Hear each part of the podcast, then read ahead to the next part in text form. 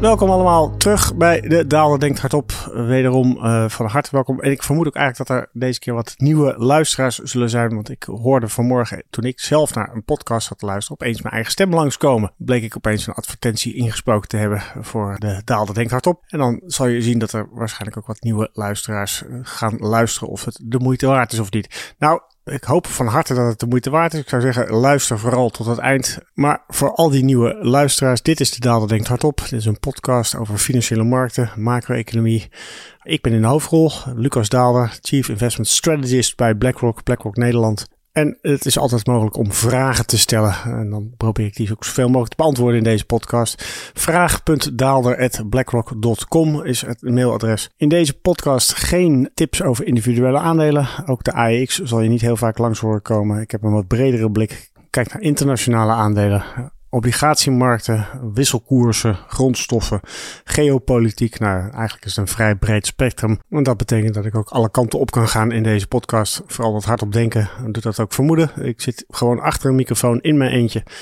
En behandel de onderwerpen die ik uh, relevant acht. Nou, dat is eigenlijk volgens mij de introductie. Oh, nee, laat ik helemaal niet vergeten. Uh, dit is ook een podcast waarbij je altijd tips krijgt over andere podcasts, mogelijk ook boeken.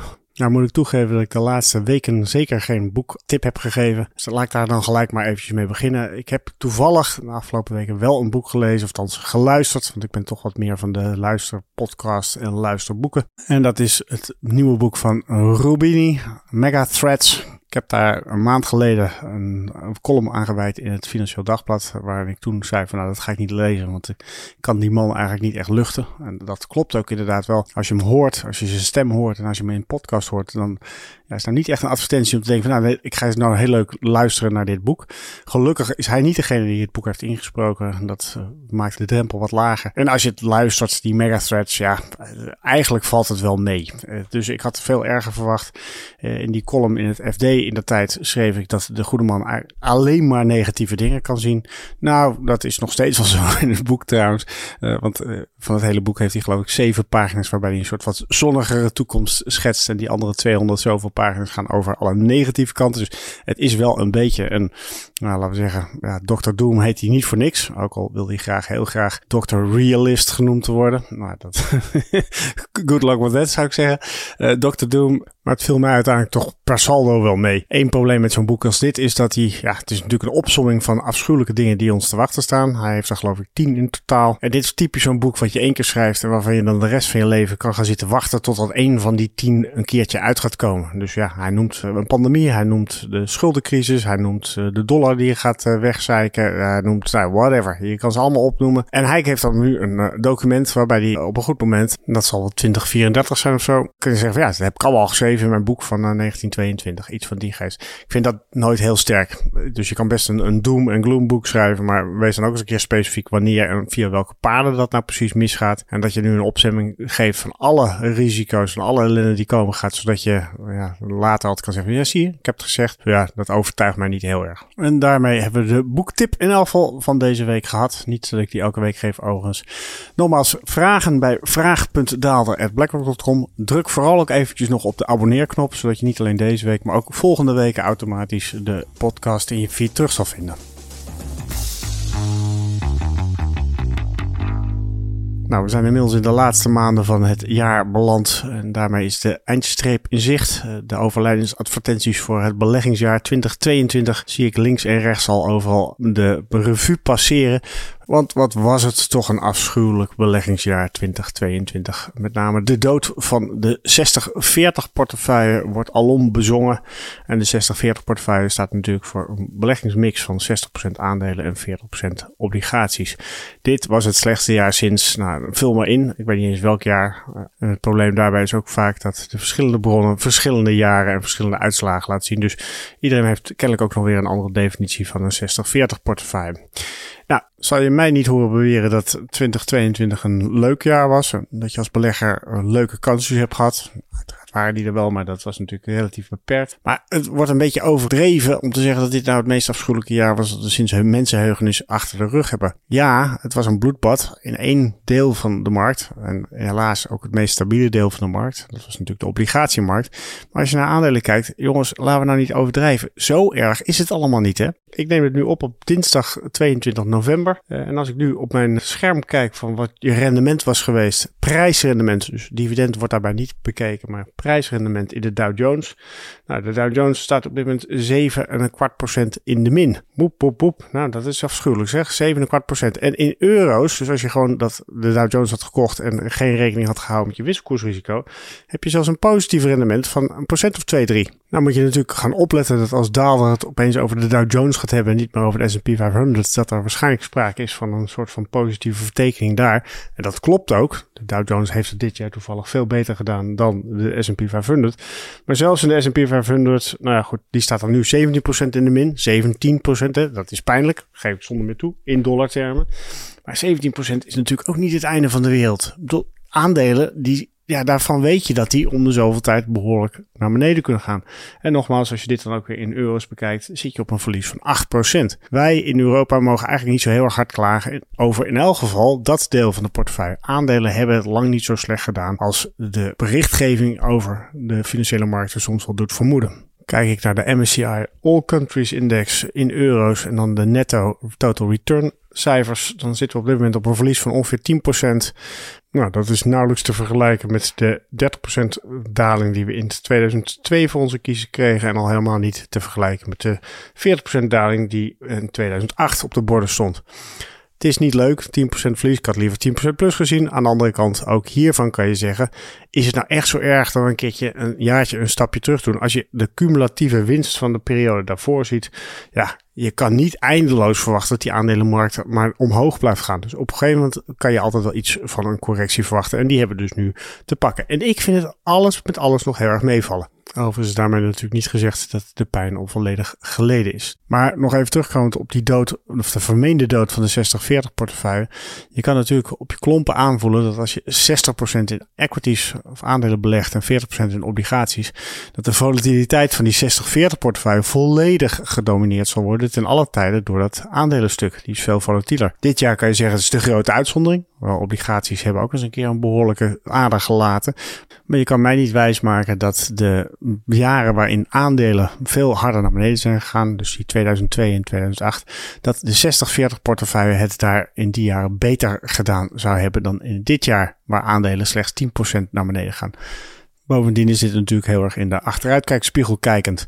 Als je mij zou vragen of dit jaar 2022 het jaar is waarin de 60-40 portefeuille gestorven is of niet, dan is mijn antwoord nee, dit is nou juist het jaar dat de 60-40 portefeuille weer enige teken van leven begint te krijgen. Namelijk die 40%, die obligaties, die gaan eindelijk weer eens een keertje wat rendement bieden. We hebben inmiddels in Nederland een kapitaalmarktrente van 2,3%. In Amerika zit je tegen een rente aan te kijken van rond de 4%. Dus daarmee zie je dat er eindelijk weer een buffer is ontstaan in die obligatiemarkt. Of het genoeg is, daar kunnen we natuurlijk eindeloos over twisten. Hè? Dus misschien moet die kapitaalmarktrente nog een heel stuk hoger. Misschien moet de aandelenmarkt er zelfs nog een heel stuk lager. Daar gaat het me niet zozeer om. Ik heb liever dat die kapitaalmarktrente omhoog is gegaan. Dat je daar nu ook weer wat te kiezen hebt. Dat je weer wat rendement ziet in de obligatiekant. Dan de situatie die we de afgelopen, nou, zeg maar de drie, vier jaar daarvoor. Waarbij de Duitse kapitaalmarktrente zelfs niet eens boven de nul uitkwam.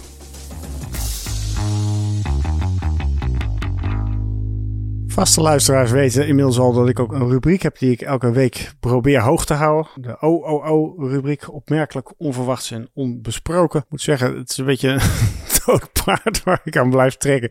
Ik weet niet of hij nou echt aanslaat. Dus laat eens weten. Vinden jullie het nou een leuke rubriek of niet? Dus eh, stuur naar vraag.daalder.blackrock.com jullie reacties op de OOO-rubriek. Want ja, ik ben nog steeds een beetje zoekende of dat nou wel of niet uh, aanslaat. Dus laat alsjeblieft weten, moet ik daarmee doorgaan of niet? Maar goed, in het kader van de OOO-rubriek opmerkelijk onverwachts en onbesproken. Ik laat even in het midden welke O het deze week betreft. Wat is er dit jaar met de Europese olie- en gasprijzen gebeurd?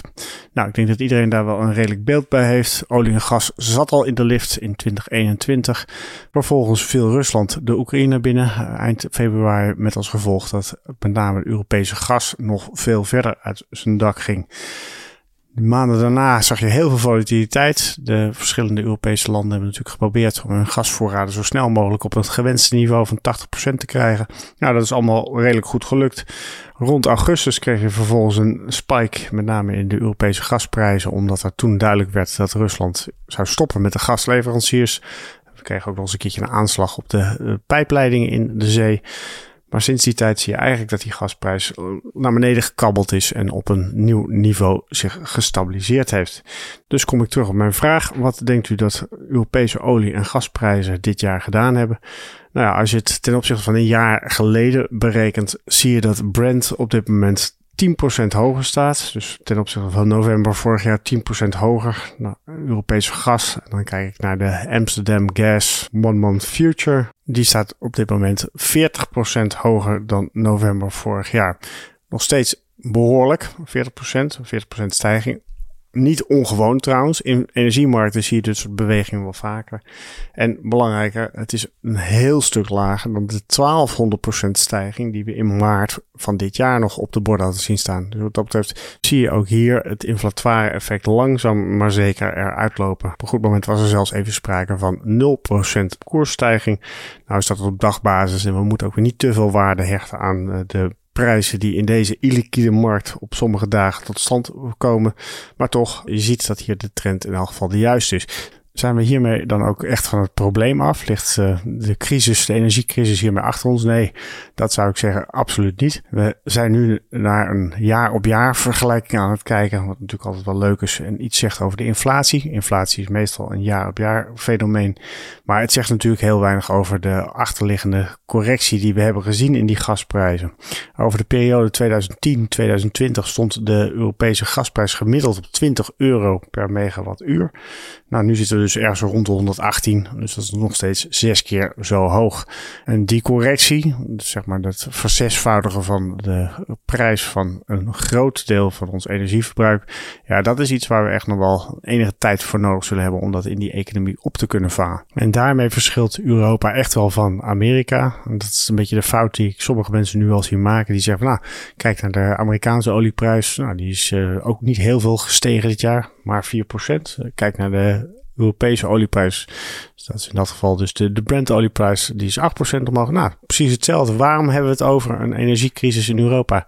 Terwijl dat koersverloop min of meer vergelijkbaar is met dat van de VS. Eén ding, de oliemarkt is natuurlijk wel wat meer internationaal. Dus je hebt veel meer connectie tussen de twee oliemarkten, de Brent en de WTI, dan in gastermen.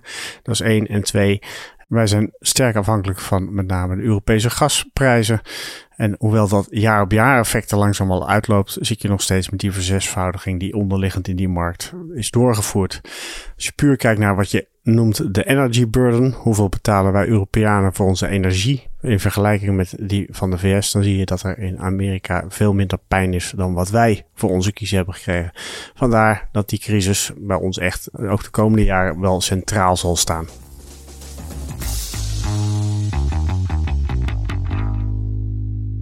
Een onderwerp wat uiteraard niet onbesproken mag blijven. Hey, dan heb je de oven onbesproken. Niet onbesproken mag blijven in deze week's podcast is uiteraard de draai die de Britse regering vorige week maakte. We hadden eerst de plannen van Liz Truss. Die dacht, we gaan de boel extra stimuleren met wat extra belastingverlagingen. Het liefst ook voor de rijken. Niet lettend op het budget. Niet lettend op de tekorten die daarmee samenhingen. Nou, dat werd keihard afgestraft door de markt. In combinatie met een Bank of England die zijn handen van het zaakje aftrok en zei van zoek het lekker zelf uit.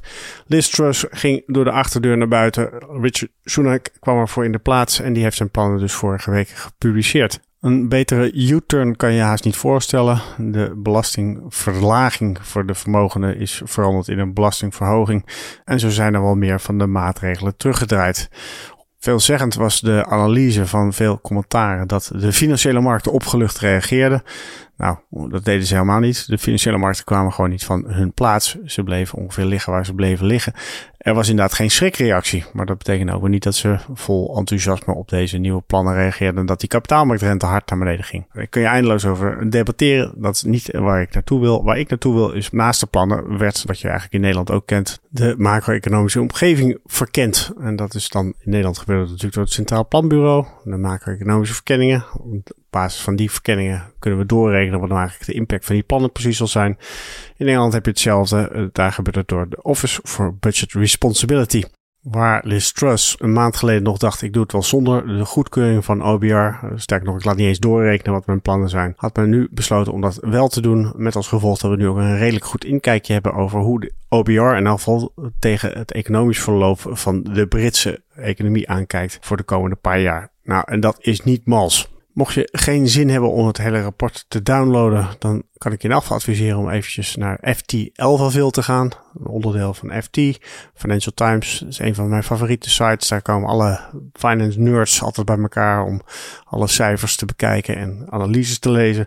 Ze hebben een artikel geschreven onder de titel The OBR Horror Show. A Few Scary Charts. Ik denk dat dat de lading redelijk dekt. En daar kan je ook zien wat nou eigenlijk precies de schattingen zijn. De verwachting is in dat de Britse economie het gehele jaar van 2023 in een recessie zal blijven. En met name de ontwikkeling van het reëel besteedbaar inkomen ziet er redelijk rampzalig uit.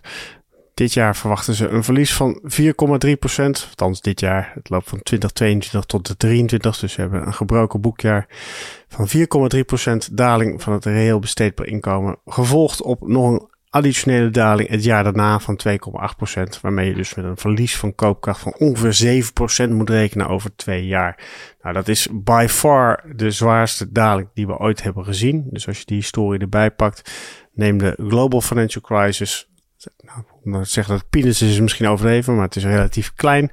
Uh, kijk naar de schok die we kregen naar aanleiding van Brexit is relatief klein. Zelfs de beroerige jaren 70, Thatcher, nergens zie je een dergelijke daling van het reëel besteedbaar inkomen als dit. Nou hebben we dit soort getallen misschien ook wel eens een keertje gehad in Nederland. Maar dat was eigenlijk vlak voor dat de Pensionsdag werd uh, gepubliceerd. Dus toen hadden we nog alle ruimte van de overheid om allerlei stimuleringsmaatregelen, opvangcapaciteiten in, in te zetten. Nou, dit zijn de vooruitzichten, inclusief de plannen die de regering nu al heeft bekendgemaakt. Dus daar kan niet heel veel meer aan veranderen.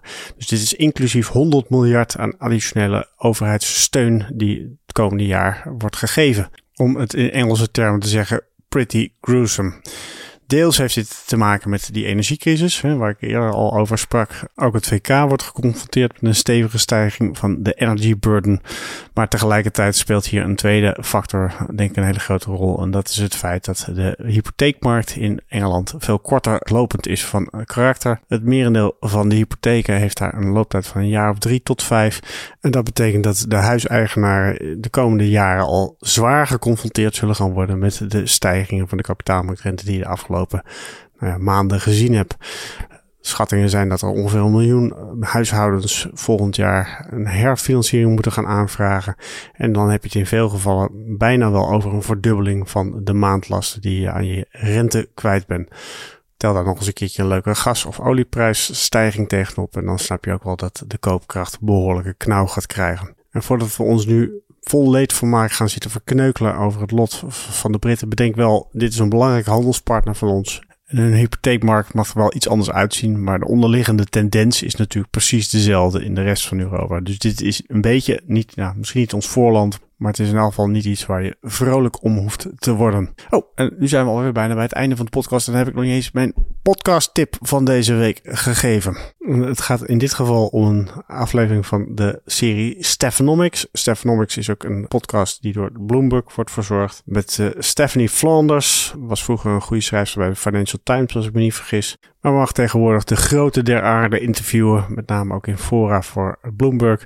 En als ik het heb over de grote der aarde, dan moet je dus denken aan mensen van het IMF, OECD. Dus af en toe hier en daar een keertje een oude centrale bankier.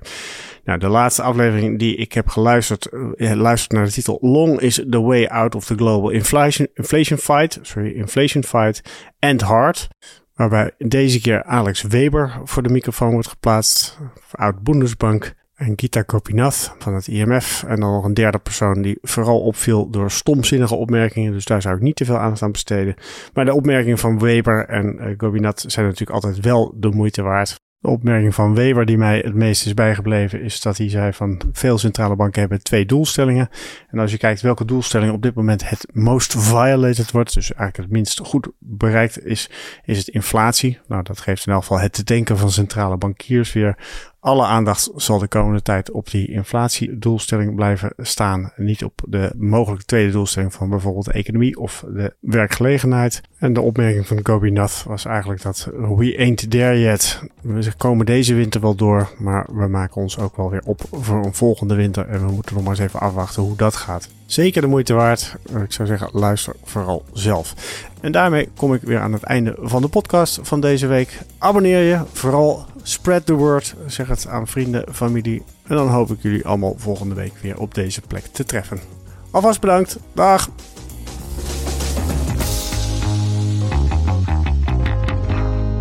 Risicowaarschuwingen. Beleggingsrisico. De waarde van beleggingen en de opgebrachte inkomsten kunnen variëren. Het is niet zeker dat u uw oorspronkelijke inleg terug ontvangt. Dit is een marketinguiting. In het verleden behaalde resultaten geven geen betrouwbare indicatie van het huidige of toekomstige rendement en dienen niet als enige criterium te worden genomen bij de selectie van een product of strategie. Veranderingen in de wisselkoersen van valuta's kunnen ertoe leiden dat de waarde van beleggingen stijgt of daalt. Deze schommelingen kunnen bijzonder sterk zijn bij een fonds dat blootstaat aan een hogere volatiliteit en de waarde van een belegging kan plotseling en zeer sterk dalen. De fiscale regelgeving waaraan beleggingen onderworpen zijn en de hoogte van de belasting kunnen in de loop der tijd wijzigen. BlackRock kan op elk moment besluiten een fonds niet langer aan te bieden. Belangrijke informatie. Deze podcast is alleen bestemd voor professionele beleggers volgens de MIFID-richtlijn. Andere personen dienen niet op de hier geboden informatie te vertrouwen. Deze podcast is uitgegeven door BlackRock Netherlands BV, dat een vergunning heeft verkregen en onder toezicht staat van de Nederlandse Autoriteit Financiële Markten. Officiële zetel Amstelplein 1 1096 HA Amsterdam. Telefoonnummer 020 549 5200. Ingeschreven in het handelsregister onder nummer 170 Om u te beschermen worden telefoongesprekken doorgaans opgenomen. Alle in deze podcast vermelde researchgegevens zijn verstrekt door BlackRock en kunnen door BlackRock inmiddels voor eigen doeleinden gebruikt zijn. De resultaten van dergelijke research worden slechts incidenteel verstrekt. De hier geuite visies vormen geen beleggingsadvies en kunnen aan verandering onderhevig zijn. Ze weerspiegelen niet altijd de gezichtspunten van een bepaalde onderneming binnen de BlackRock groep of van een afdeling daarvan en de juistheid ervan kan niet worden verzekerd. Deze podcast is uitsluitend bestemd ter informatie. Het vormt geen aanbod of uitnodiging om te beleggen in een van de fondsen van BlackRock en is niet opgesteld in verband met een dergelijk aanbod. Copyright 2022 BlackRock Incorporated. Alle rechten voorbehouden. BlackRock is een geregistreerde handelsnaam van BlackRock Incorporated en haar dochterondernemingen in de Verenigde Staten en daarbuiten. Alle andere handelsnamen zijn van de respectievelijke eigenaren. Deze podcast mag niet worden verspreid zonder toestemming van BlackRock.